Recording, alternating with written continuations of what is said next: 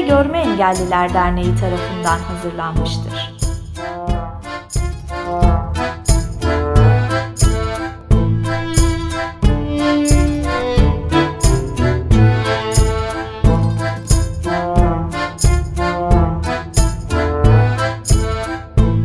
Eget Test'in yeni bölümünden herkese merhabalar. Ben Pınar Göcen. Ben Beyza Yıldırım, merhabalar. Selamlar, Şeyma Büyükurvay. Kapsayıcılığı paydaşlar çerçevesinde ele almaya devam ediyoruz bu bölümde de. Pandemide öğretmenlerin gözünden eğitimi bu defa görme engelli öğretmenlerin deneyimleriyle konuşacağız. Aramızda iki konuğumuz var. Özlem Erten Yeter ve Adil Ahmet Kavrama. Özlem'i e, hemen tanıyor olabilirsiniz. E, başında ve sonunda yayınlarımızda hepimizi selamlıyor. Kendisi bir müzik öğretmeni ve bununla beraber e, genel eğitim kurumlarında da özel gereksinimli öğrencilere de deneyimleri var. Kendisi daha iyi tanıtacaktır. Hoş geldin Özlem. Hoş bulduk. Ee, ben e, Güzel Sanatlar Lisesi ile birlikte müzikle tanışmış bir insanım aslında. Güzel Sanatlar Lisesi'nde e, piyano eğitimime ve keman eğitimime başladım. Daha sonra Abant İzzet Baysal Üniversitesi'nin müzik öğretmenliği bölümünden mezun oldum. Ve yaklaşık e, 12 yıldır e, aktif olarak öğretmenlik yapıyorum. Öğretmenliğimin büyük bir kısmı ortaokullarda geçti. Ortaokul e, düzeyindeki öğrencilerle çalıştım. Bunun yanı sıra e, özel e, gereksinimli çocuklarla da çalıştım. Farklı e, özellikleri olan. E, şu anda da otizmli çocukların eğitim gördüğü bir okula atandım. Tabii ki buradaki deneyimlerim daha çok yeni. İki haftadır başladım yeni görevime. Bunlar bahsetmeye çalışacağım. O zaman kolay gelsin. Osmaniye'ye uzanalım. Adil Ahmet Kavram'a hoş geldin sen de. Sen kısaca tanıtır mısın bize kendini? Çok teşekkür ederim Pınar. Herkese merhaba. Adil Ahmet ben. Ee, ben de e, aslında yaşadığım yerde lise öğrenimimi tamamlamıştım. Burada Kadirli Anadolu Öğretmen Lisesi'nde yabancı dil e, bölümünü seçerek aslında şu anki e, mesleğime yönelik çalışmalara başlamıştım. Ardından Eskişehir Anadolu Üniversitesi İngiliz Öğretmenliği bölümünü tamamladım. 2016 yılında İngiliz öğretmeni olarak yine Osmaniye'nin Kadirli ilçesinde e, burada yer alan Kız Meslek Lisesi'nde çalışmaya başladım. Şu anda 5. yılın içerisindeyim. E, öğretmenliğin yanı sıra e, sivil toplumla da tabii ki çalışmaya devam ediyorum. Eğitimde Görme Engeller Derneği'nde Uluslararası İşler Sekreterliği görevini yürütüyorum. E, bununla birlikte yine derneğimizin üye olduğu e, Belçika merkezli bir kuruluş olan Use International adlı kurumda yönetim kurulu üyeliği görevim başladı bu yıl. E, bu görevlerin yanı sıra geçtiğimiz yıl yüksek lisans öğrenimime başladım. Niğde Ömer Halis Demir Üniversitesi Eğitim Yönetimin programında. E, geçen yıl ders dönemi vardı. Son erdi şu anda. Tez dönemindeyim. E, tez çalışmalarıma devam ediyorum. Vallahi kolay gelsin o zaman. Çok güzel deneyimlerle besleneceğiz diye umuyorum ve çok uzatmadan da Beyza'yı bırakıyorum sözü. Beyza sendeyiz. Evet hoş geldiniz. İyi ki de geldiniz. Eminim ki yine böyle çok keyifli bir sohbet olacak. O zaman ben de böyle sözü çok uzatmadan e, söze konuşmamızı böyle bir girmek istiyorum. Biliyorsunuz böyle son bir yıldır daha önce hiç deneyimlememiş olduğumuz bir şeyin içine girdik. Ve e, hem de hazırlıksız olarak da girdik diyebiliriz. Pandemi döneminde eğitim hepimiz için böyle birçok farklılığı beraberinde getirdi. Daha önce hep okullardaydık, sınıflardaydık. Birden böyle hiç hazırlıksızken de ekran başına geçmek zorunda kaldık ve bu hepimiz için böyle yeni bir süreci de beraberinde getirdi. Peki sizin bu döneme dair deneyimleriniz nasıl? Yani pandemide eğitim sizin için nasıl geçiyor? İşte velilerinizle, öğrencilerinizle, idareyle iletişimden tutun da işte erişilebilirlik gibi böyle farklı farklı taraflardan şöyle bir değerlendirmenizi istesem neler söylersiniz bu dönemki deneyiminize dair? Ee, aslında pandemi süreci benim için böyle çok farklı bir noktada başlamıştı. Böyle küçük bir e, anekdot olarak paylaşmak isterim. E, yani okulların kapanacağı haberini yüksek lisans için derse gittiğimde haber almıştım. e, Perşembe Cuma günleri gidiyordum Niğde'ye ders için ve e, Perşembe akşamı haberler de yayınlandı. İşte okullar kapanıyor pandemiden kaynaklı şeklinde. Tabii ki bu da e, gittiğim yerde e, üniversite yani öğrenci kaynaklı olarak müthiş bir yoğunluk oluşmuştu. E, böyle çok maceralı bir şekilde e, eve ulaştığımı hatırlıyorum. İşte gece saatlerinde böyle otogarda otobüs bulmaya çalışıyorum falan. E, sonrasında tabii ki e, ilk başlangıç biraz daha e, belirsizliğin çok daha ağırlıklı olduğu, e, işte netliğin olmadığı bir dönemdi. E, aslında hepimiz e, ne yapacağımızı tam olarak bilmiyorduk. Yani evet e, bir uzaktan öğretim düşünülüyordu tabii ki ama e, bu e, eğitim için kullanılan yöntemler, işte e, toplantı araçları, Zoom gibi henüz yeni yeni hayatımıza giriyordu. E, aslında ilk baştaki süreç biraz daha bunları yorumlamakla geçti. Bir durgunluk, herkeste panik biraz daha fazlaydı. E, bu süreçte başka ne değişti? Aslında iletişim yani okulla, idareyle, velilerle, öğrencilerle iletişimimiz dijitalleşmeye başladı. E, diğer öğretmenlerle ve idareyle iletişimimiz daha öncesinde kısmen dijitale doğru ilerlemişti aslında. Hani e, WhatsApp grupları oluşmuştu zaten pandemi öncesinde ama burada bence en büyük farklılık öğrenciyle iletişim ve veliyle iletişim oldu. E, benim için aslında bu süreç biraz daha bu yıl başladığını söyleyebilirim. Bu yıl başından itibaren e, yani geçen yılda tabii ki vardı ama bu yıl benim için şöyle bir farklı deneyim oldu. E, geçen yılki sınıfım 12. sınıflardı. Bu yıl e, sınıf öğretmenliğini yürüttüğüm sınıf 9. sınıf. Yani e, pandemi sürecinde öğrenciler bir okulu bitirmiş, e, uzaktan eğitim e, yöntemiyle tamamlamışlar. E, okula gelmiyorsunuz, aslında öğrenciler birbirini tanımıyor ve yine evlerindeler ama e, derse girdiklerinde çok farklı bir okula başlamış oluyorlar arkadaşlarının hiçbirisini tanım, tanımıyorlar ve e, dolayısıyla onlar da bu e, belirsizliği aslında hisseden bir durumdalar. E, burada farklılık olarak tabii ki öğrenciyle iletişimdeki e, süreci dijitale taşımak için çeşitli WhatsApp grupları oluşturduk. E, onlarla okul süreçleriyle ilgili duyuruları paylaşmaya başladık. E, ve hani süreçte nasıl hareket edecekler, dersler ne zaman gibi bilgilendirmelerimiz başladı. Bununla birlikte veli tabii e, iletişim boyutu velilerle o da bence değişimin en büyük e, gözlemlendiği noktalardan bir tanesidir. Çünkü e, hani vardır bilirsiniz okula e, veli genelde okula gelir ve hatta öğrenciler içinde bir şeydir bu. Hani okula velim geldi acaba öğretmenler benim hakkımda neler düşünüyorlar? Bunu akşam eve gidince öğreneceğim gibi e, bir şeyler olur belki bir heyecanlar olurdu. Ama o şu anda tamamen telefon kanalıyla, WhatsApp kanalıyla e, sürüyor. E, bunun dışında tabii ki bu değişen sürece karşı çeşitli erişilebilirlik çözümleri de e, geliştirmek gerekiyordu. Mesela e, sınıflarla iletişim kurmak için telefon numaralarına ihtiyaç duyuyoruz. E, bunları idareden almak için yine erişilebilir bir e, belgeye ihtiyaç duyuyorduk. E, bu süreçte okul idaremle koordinasyonlu bir şekilde çalıştık ve onlar bana veli telefon numaralarının olduğu bir Excel dosyası göndermişlerdi. Oradan hareket ederek e, gruplar oluşturmuştum. E, tabii ki yine eğitimde erişilebilirlik ya da e, işte ödev kontrolü, ders işleme üzerine e, yine konuşuruz tabii ki. Onun için şu anda sözlerimi burada noktalayayım ben. Evet, ben de belirsizlik ve uyum e, en önemli, öne çıkan en önemli şeylerdi. Herkes için bir belirsizlik vardı bu sürecin başında ama biz görmeyen öğretmenler ve görmeyen öğrenciler olarak uyum noktasında e, diğerlerine göre daha büyük bir problem yaşadığımızı düşünüyorum. Neden? Bunun ilk sebebi e, görmeyenler için erişilebilir sitelerin e, hazır olmaması. Örneğin ilk aklımıza gelen EBA ilk e, biz bu e, pandemi sürecine ilk girdiğimizde EBA bir anda bizim elimiz kolumuz olmaya başladı. Aslında sınıf ortamımız olmaya başladı ve EBA'da çeşitli erişilebilirlik problemleri vardı. Mesela ilk karşılaştığımız şey buydu.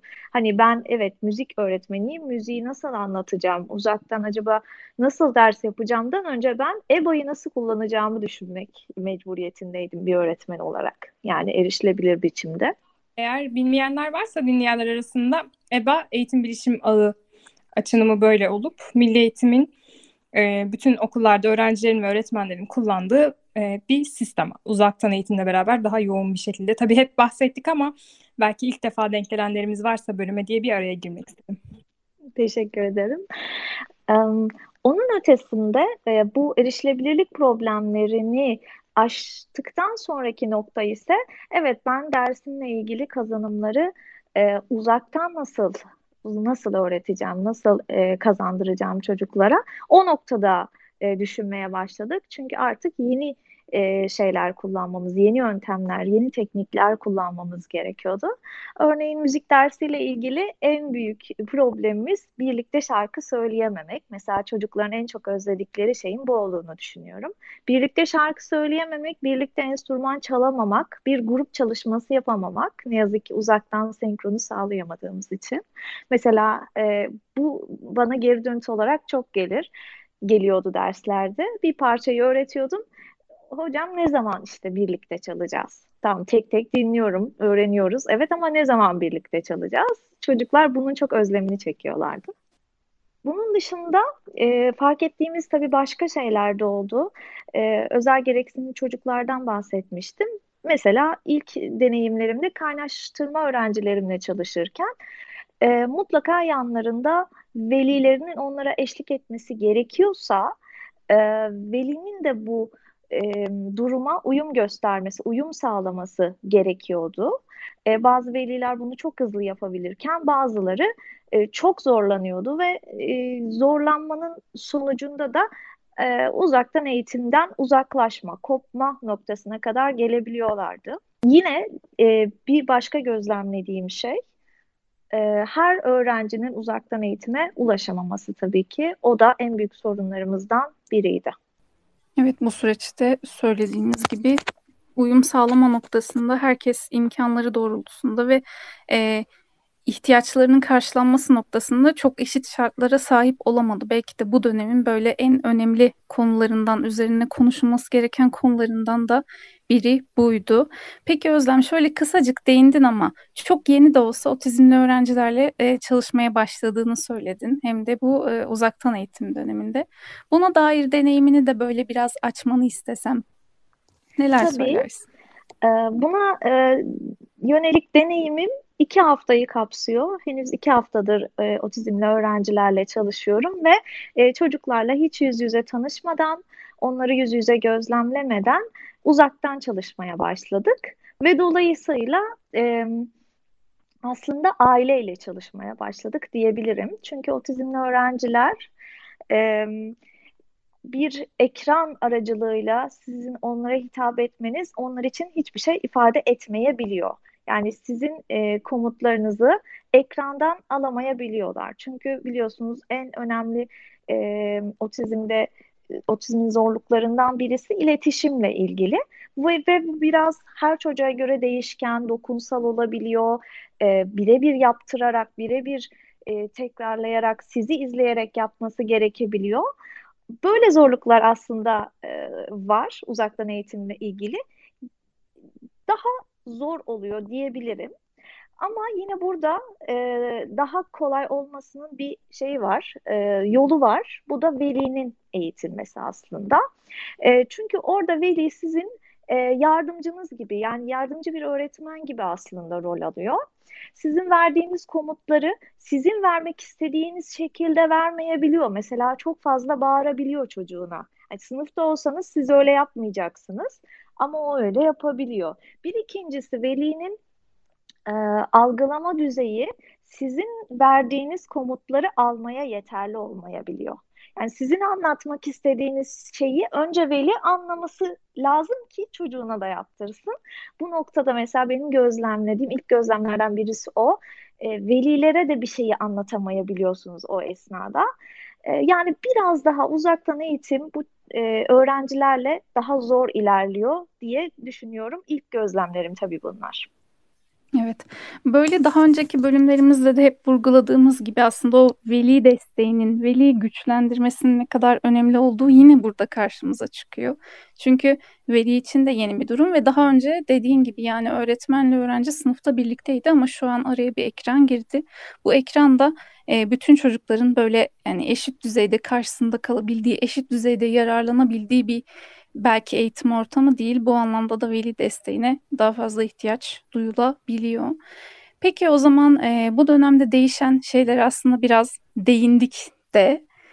E, bunu biraz daha açacak olursak pandemi öncesine göre neler değişti ve bu değişimlere uyum sağlama noktasında böyle sizi zorlayan, görme engelli bir öğretmen olarak sizin için zorlayıcı, sorun oluşturan noktalar oldu mu? Yani tabii ki e, bu süreçte bence en büyük değişim tabii ki biraz önce de söylediğimiz gibi e, eğitime dijital boyutun katılmasıydı. E, bunu Özlem vurguladı, paylaştı. E, bunun dışında yine Özlem'in paylaştığı gibi e, uzaktan eğitim sürecinin uygulanması farklı e, yani bir takım e, hazırlıklar gerektiriyor. Yani uyarlamalar gerektiriyor. E, Özlem enstrüman boyutundan bahsetti. E, bizde de mesela işte konuşma aktivitelerinin e, yaptırılabilmesi süreçleri biraz daha uzaktan eğitimde e, farklılaşıyor. E, bu değişime nasıl uyum sağladık? Mesela e, kullandığım yöntemlerden bazıları e, ya branşımdaki arkadaşlarımla, İngilizce branşındaki e, arkadaşlarımla işbirliğimizi daha ileriye taşıdık. E, bunu nasıl gerçekleştiriyoruz? Mesela hafta başlarında e, görüşmeler gerçekleştiriyoruz. İçerik planlaması yapıyoruz. E, hangi içerikleri kullanalım, ne sırayla kullanalım şeklinde. E, dijital içerik demişken tabii ki e, aslında Beyza senin biraz önceki sorduğun soruyu e, zaman zaman kendime soruyorum. Hani bu süreçte e, en çok ders ders hazırlık aşamasında en çok ne konusunda ben kaygı yaşıyorum, neyi düşünüyorum diye soruyorum kendime.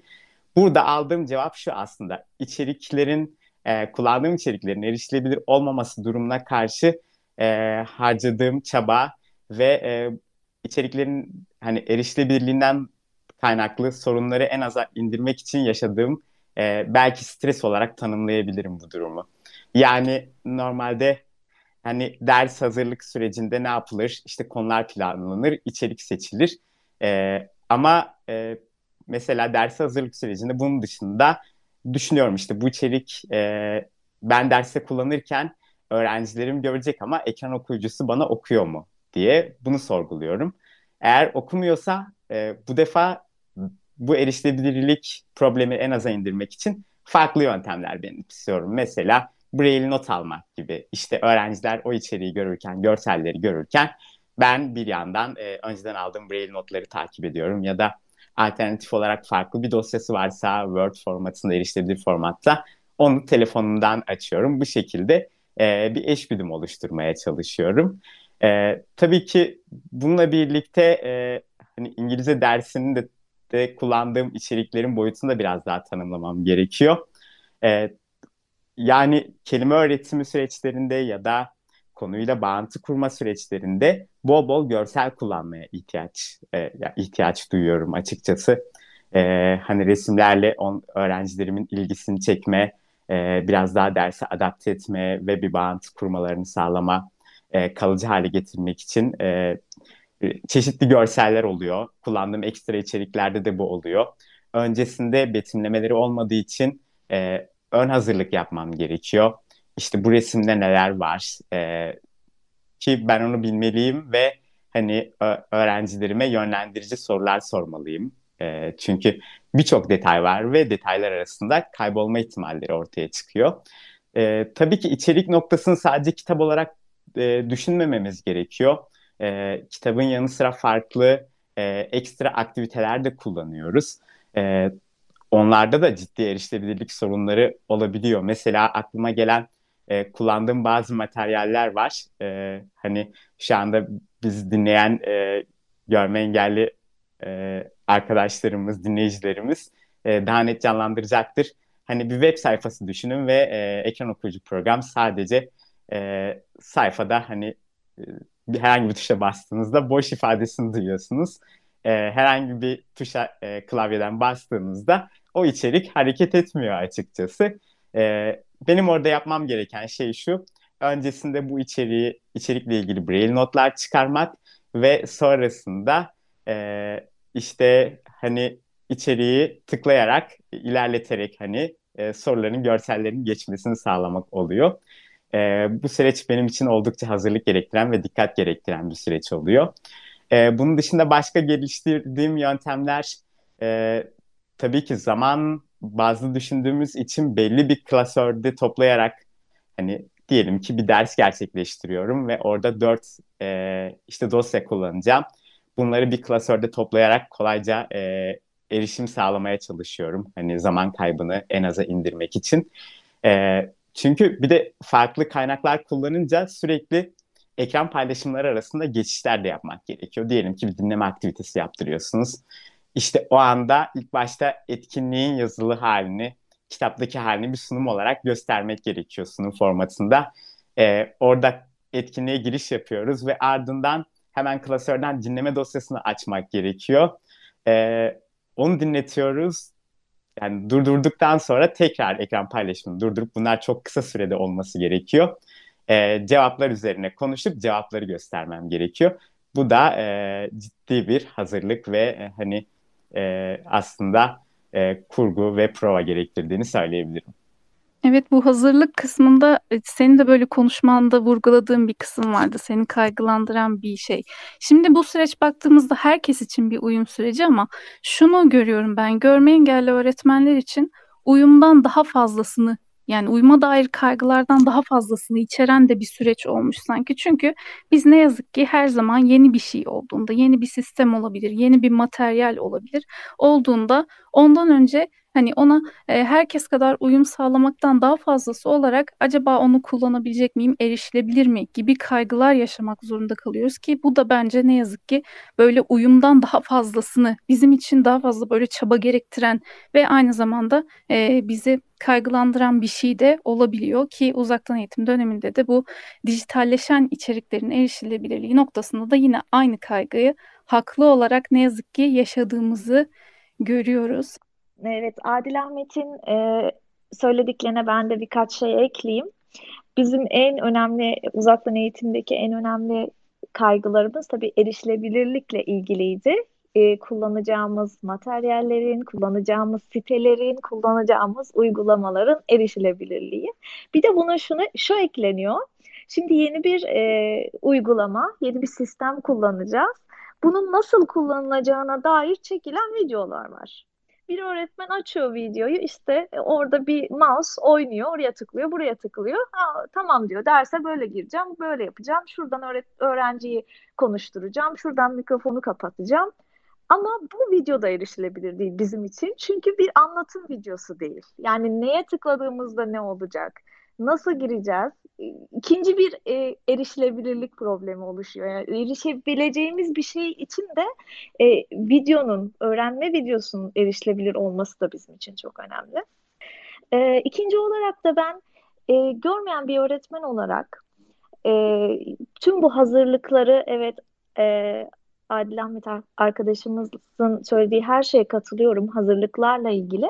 Bir de şöyle bir şey dikkatimi çekti. Ee, özellikle küçük ve e, okula ben 5. sınıflar için konuşuyorum. E, işte ortaokula yeni başlamış. yüz yüze hiç tanışmamışız öğrenciyle. Biz onu tanımıyoruz, o bizi tanımıyor. Dolayısıyla doğal bir tanışma, doğal bir iletişim olmamış aramızda. E, ve öğrenci bizim görmeyen bir öğretmen olduğumuzu çok fazla anlayamamış, e, hissedememiş olabiliyor. Ve öğrenci e, sizin dünyanızda kendini var etmek istiyor. Bu sınıf ortamında da böyle. Size kendini göstermek, size bir şekilde kendini ifade etmek, size özel bir şeyini paylaşmak mesela. Sınıf ortamında da olan şeyler. Ama burada şöyle bir şey oluyor. E, işte ders bitiyor. E, diyor ki öğretmenim işte kameramı bir kere açabilir miyim? Size öpücük atmak istiyorum. Ya da işte öğretmenim işte kameramı e, açıp e, size çalgımı işte görüntülü bir şekilde size göstermek, dinletmek istiyorum. Ya da diyor ki öğretmenim flüt al demiştiniz. Bu flüt mü diyor mesela kamerasını açıp gösterip. Yani burada e, öğrencilere aslında yapay bir biçimde e, görmeyen bir öğretmen olduğunuzu sadece ifade ederek e, bu süreci başlatmış oluyorsunuz. Bu da bence doğal süreç gibi ilerlemediği için e, bir tık daha iletişimi sanki yapaylaştırıyor gibi geliyor. Evet, böyle e, sınıf ortamında öğrenciyle kuracağınız o iletişimle zaman içinde size dair birçok şeyi görmeyen bir öğretmenle ders işlemeye dair birçok şeyi böyle yaşayarak tecrübe etme imkanı varken bir ekran başındayken evet öğrenciler de bunu böyle tam olarak algılayamayabiliyor dediğin gibi o doğal iletişimle kurulan tanışma ne yazık ki çok gerçekleşemeyebiliyor. Yani burada mesela hani e, Özlem de paylaştı. Hani erişilebilirlik dedik ve aslında bu kavram e, çok genişletilebilir ve e, üzerine belki çok uzun konuşabileceğimiz bir durum. Çünkü e, Özlem'in söylediği gibi uygulamalar var. Evet dijital toplantı uygulamaları var. Bunun yanı sıra web araçları var. E, hani onları da aslında kullanmak istiyoruz. Bir yandan deneyimlemeye çalışıyoruz. E, içerisinden belki erişilebilir olup kullanabildiklerimiz de olabiliyor. Ama e, bazen e, işte büyük bir sevinçle hani kullansam çok güzel olurdu deyip e, baktığımız ve sonrasında e, aslında hiçbir şekilde erişilebilir olmadığını fark ettiğimiz e, uygulamalar da olabiliyor. E, ve tabii ki hani bu durumu belli bir noktada sınırlayamıyoruz. Hani şu uygulamalar eriş, erişilebilir olsa demek de bazen yetmeyebiliyor. Çünkü sürekli gelişen bir süreç, yeni uygulamalar e, var ve üzerine her zaman farklı şeyler eklenebiliyor. E, bununla birlikte e, yine hani bu süreçle ilgili olarak değişen bazı noktalar e, deyince tabii ki sürekli aklıma yeni şeyler de geliyor. İşte bunlardan bir tanesi de e, ödev kontrolü. E, tabii ki sınıf, sınıfta bu süreç bir şekilde e, ilerliyordu ama e, burada artık hani ödevlerin belki WhatsApp'tan, belki EBA'dan paylaşılması durumları oluyor. E, bu süreçlere e, çözümler üretmek gerekebiliyor. İşte Özlem'in söylediği duruma bir örnek olarak aklıma geldi. Hani bir ödev isteyince direkt fotoğraf atılması durumu mesela yaşanabiliyor. E, bunu mesela şu şekilde çözmüştüm. Bazen yazma ödevleri veriyorum öğrencilerime ee, ilk başta fotoğraflar geliyordu. Tabii ki öğrenci yazıyor ve sonrasında fotoğrafını çekiyor, bana gönderiyor. Hocam ödevimi tamamladım diyor. Ee, tabii ki el yazısı olduğu için metin tanıma gerçekleşmiyor. Ee, işte bir süre sonra şey önermiştim. Hani bana ödevlerinizi direkt WhatsApp'tan hani mesaj formatında yazıp gönderin demiştim yazma ödevlerinizi. O şekilde gönderiyor, göndermeye başladılar ve e, ben o yazıların üzerine geri dönükler vermeye başladım. E, bu durumu e, bu yöntemle çözmüştüm mesela. Evet, böyle ikinizin de bahsettiği gibi çeşitli sorunlar yaşanıyor ve biz bunlara bazen kişisel olarak çözümler geliştirmek durumunda kalıyoruz. Bazen e, işte öğrencilerle, çevremizdekilerle kurduğumuz iletişim ve onlara belki ihtiyaçlarımızı e, belirtmekle bir çözüm yolu olabiliyor ki bu metin tanıma mevzusu da Adil'in dediği gibi. E, buna da şöyle kısaca değinecek olursak ekran okuyucu yazılımlar resim şeklinde paylaşılan e, belgelerdeki yazıları okuyamıyor ve biz bunlar için e, çeşitli metin dönüştürücü uygulamalar kullanıyoruz. Ama bunlar da ne yazık ki el yazısıyla yazılmış metinleri dönüştüremiyor. Yani ekran okuyucu bize onları e, sese çevirip okuyamıyor.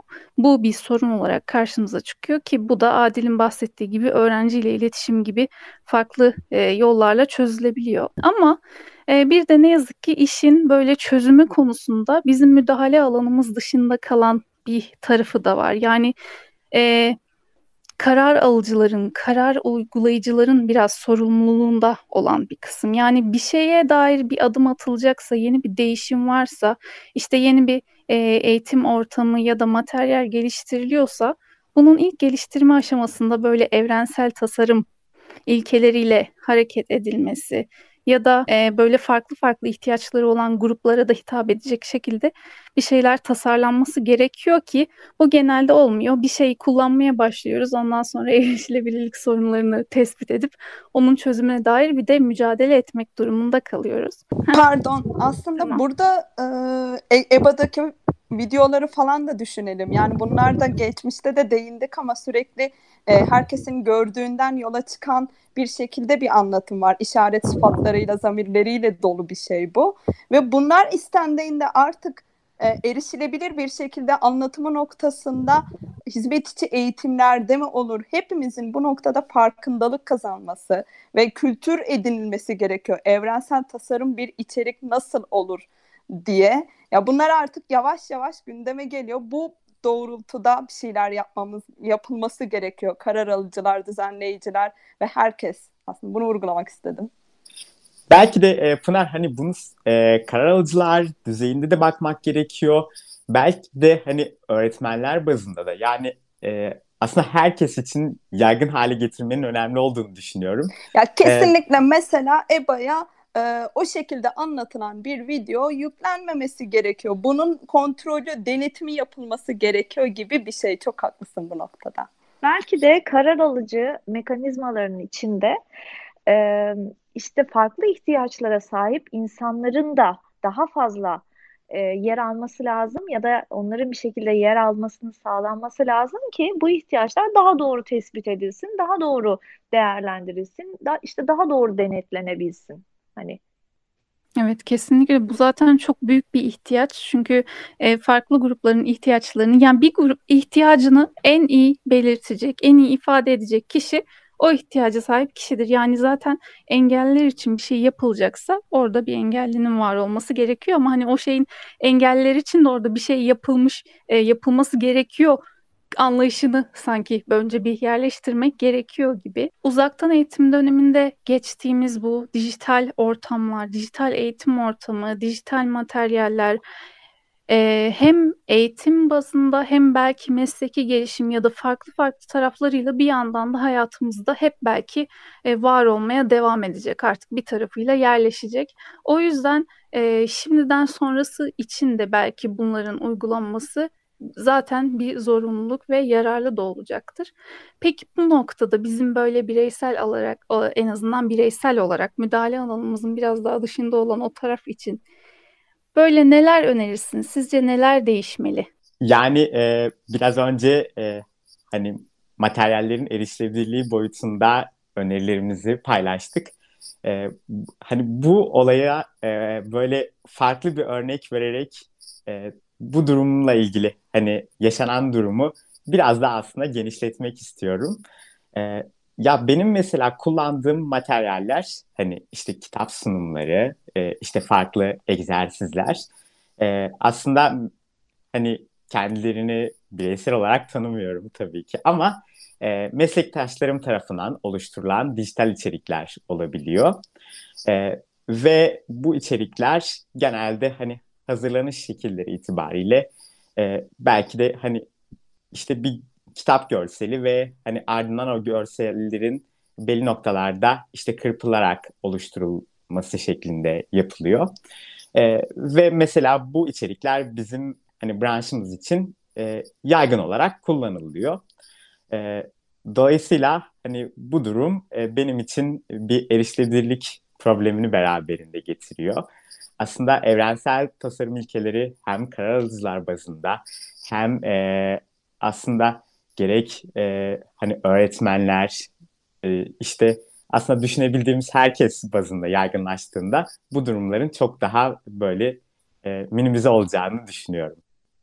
Artık e, online olarak verdiğimiz derslerin kendine ait farklı durumları ya da farklı problemleri ortaya çıkmış durumda. Hani biraz önce de konuştuğumuz gibi e, bununla ilgili olarak mesela e, bazen e, materyaller erişilebilir olmadığında ders sırasında şey yaşayabiliyorum. Hani işte materyalde bir e, aktiviteden diğerine geçmeye çalışıyorum ya da bir sorunun yanıtını göstermeye çalışırken orada ekran okuyucu program yetersiz kalabiliyor.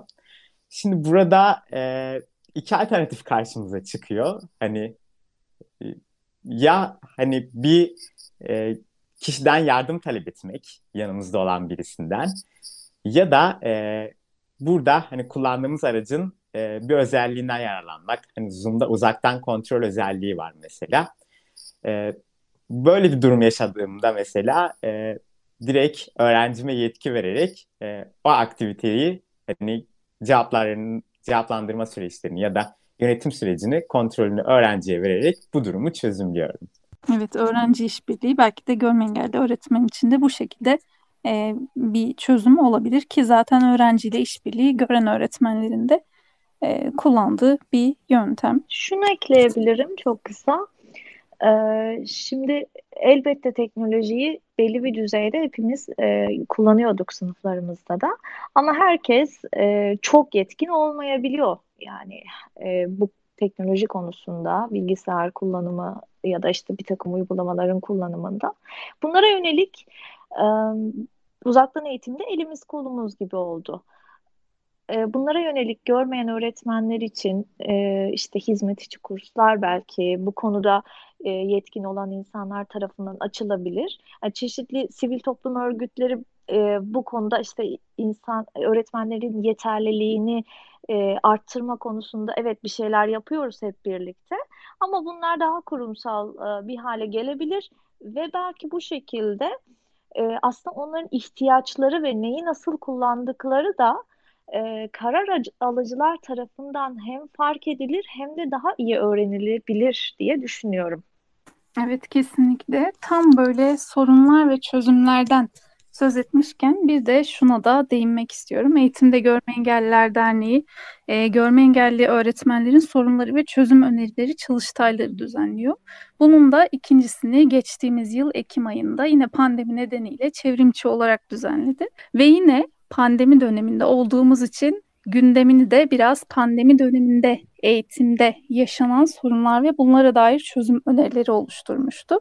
Ve e, bu çalıştayın somut çıktılarından birinden söz etmek istiyorum. Bir politika belgesi yayınlandı. Öğretmenlerin orada yaptıkları çalışmalar ve paylaştıkları deneyimler sonucunda e, pandemi döneminde görme engelli öğretmenlerin yaşadığı sorunlar ve çözüm önerilerinin paylaşıldığı bu politika belgesini de e, Eğitimde Görme Engelliler Derneği'nin web sitesinden e, okuyup mutlaka bir incelemenizi tavsiye ederim. Hem böyle bu alana dair daha fazla e, bir şeyler öğrenmek isteyen hem de belki böyle dinleyenlerimiz arasından bu alana dair savunuculuk faaliyeti de bulunmak isteyenler varsa onlar için çok da böyle gerçekten yararlı bir kaynak olarak bundan da iyi söz etmek istedim. Ee, ben çok teşekkür ediyorum katkılarınız, katılımlarınız, paylaşımlarınız için. İyi ki geldiniz. Çok keyifli bir sohbet oldu. Biz teşekkür ederiz. Ee, açıkçası ben de çok keyif aldım. Ee, çok teşekkür ediyorum bizi çağırdığınız için, e, konuk ettiğiniz için. Ben de e, teşekkür ediyorum. Çok yararlı bir e, seri oluyor. Biz de e, bugünkü de konuşmacı olarak yer aldık ama diğer e, EGET keslerinizi de merakla bekliyoruz, dinliyoruz, faydalanıyoruz. Teşekkürler. İyi ki geldiniz. Hoşçakalın.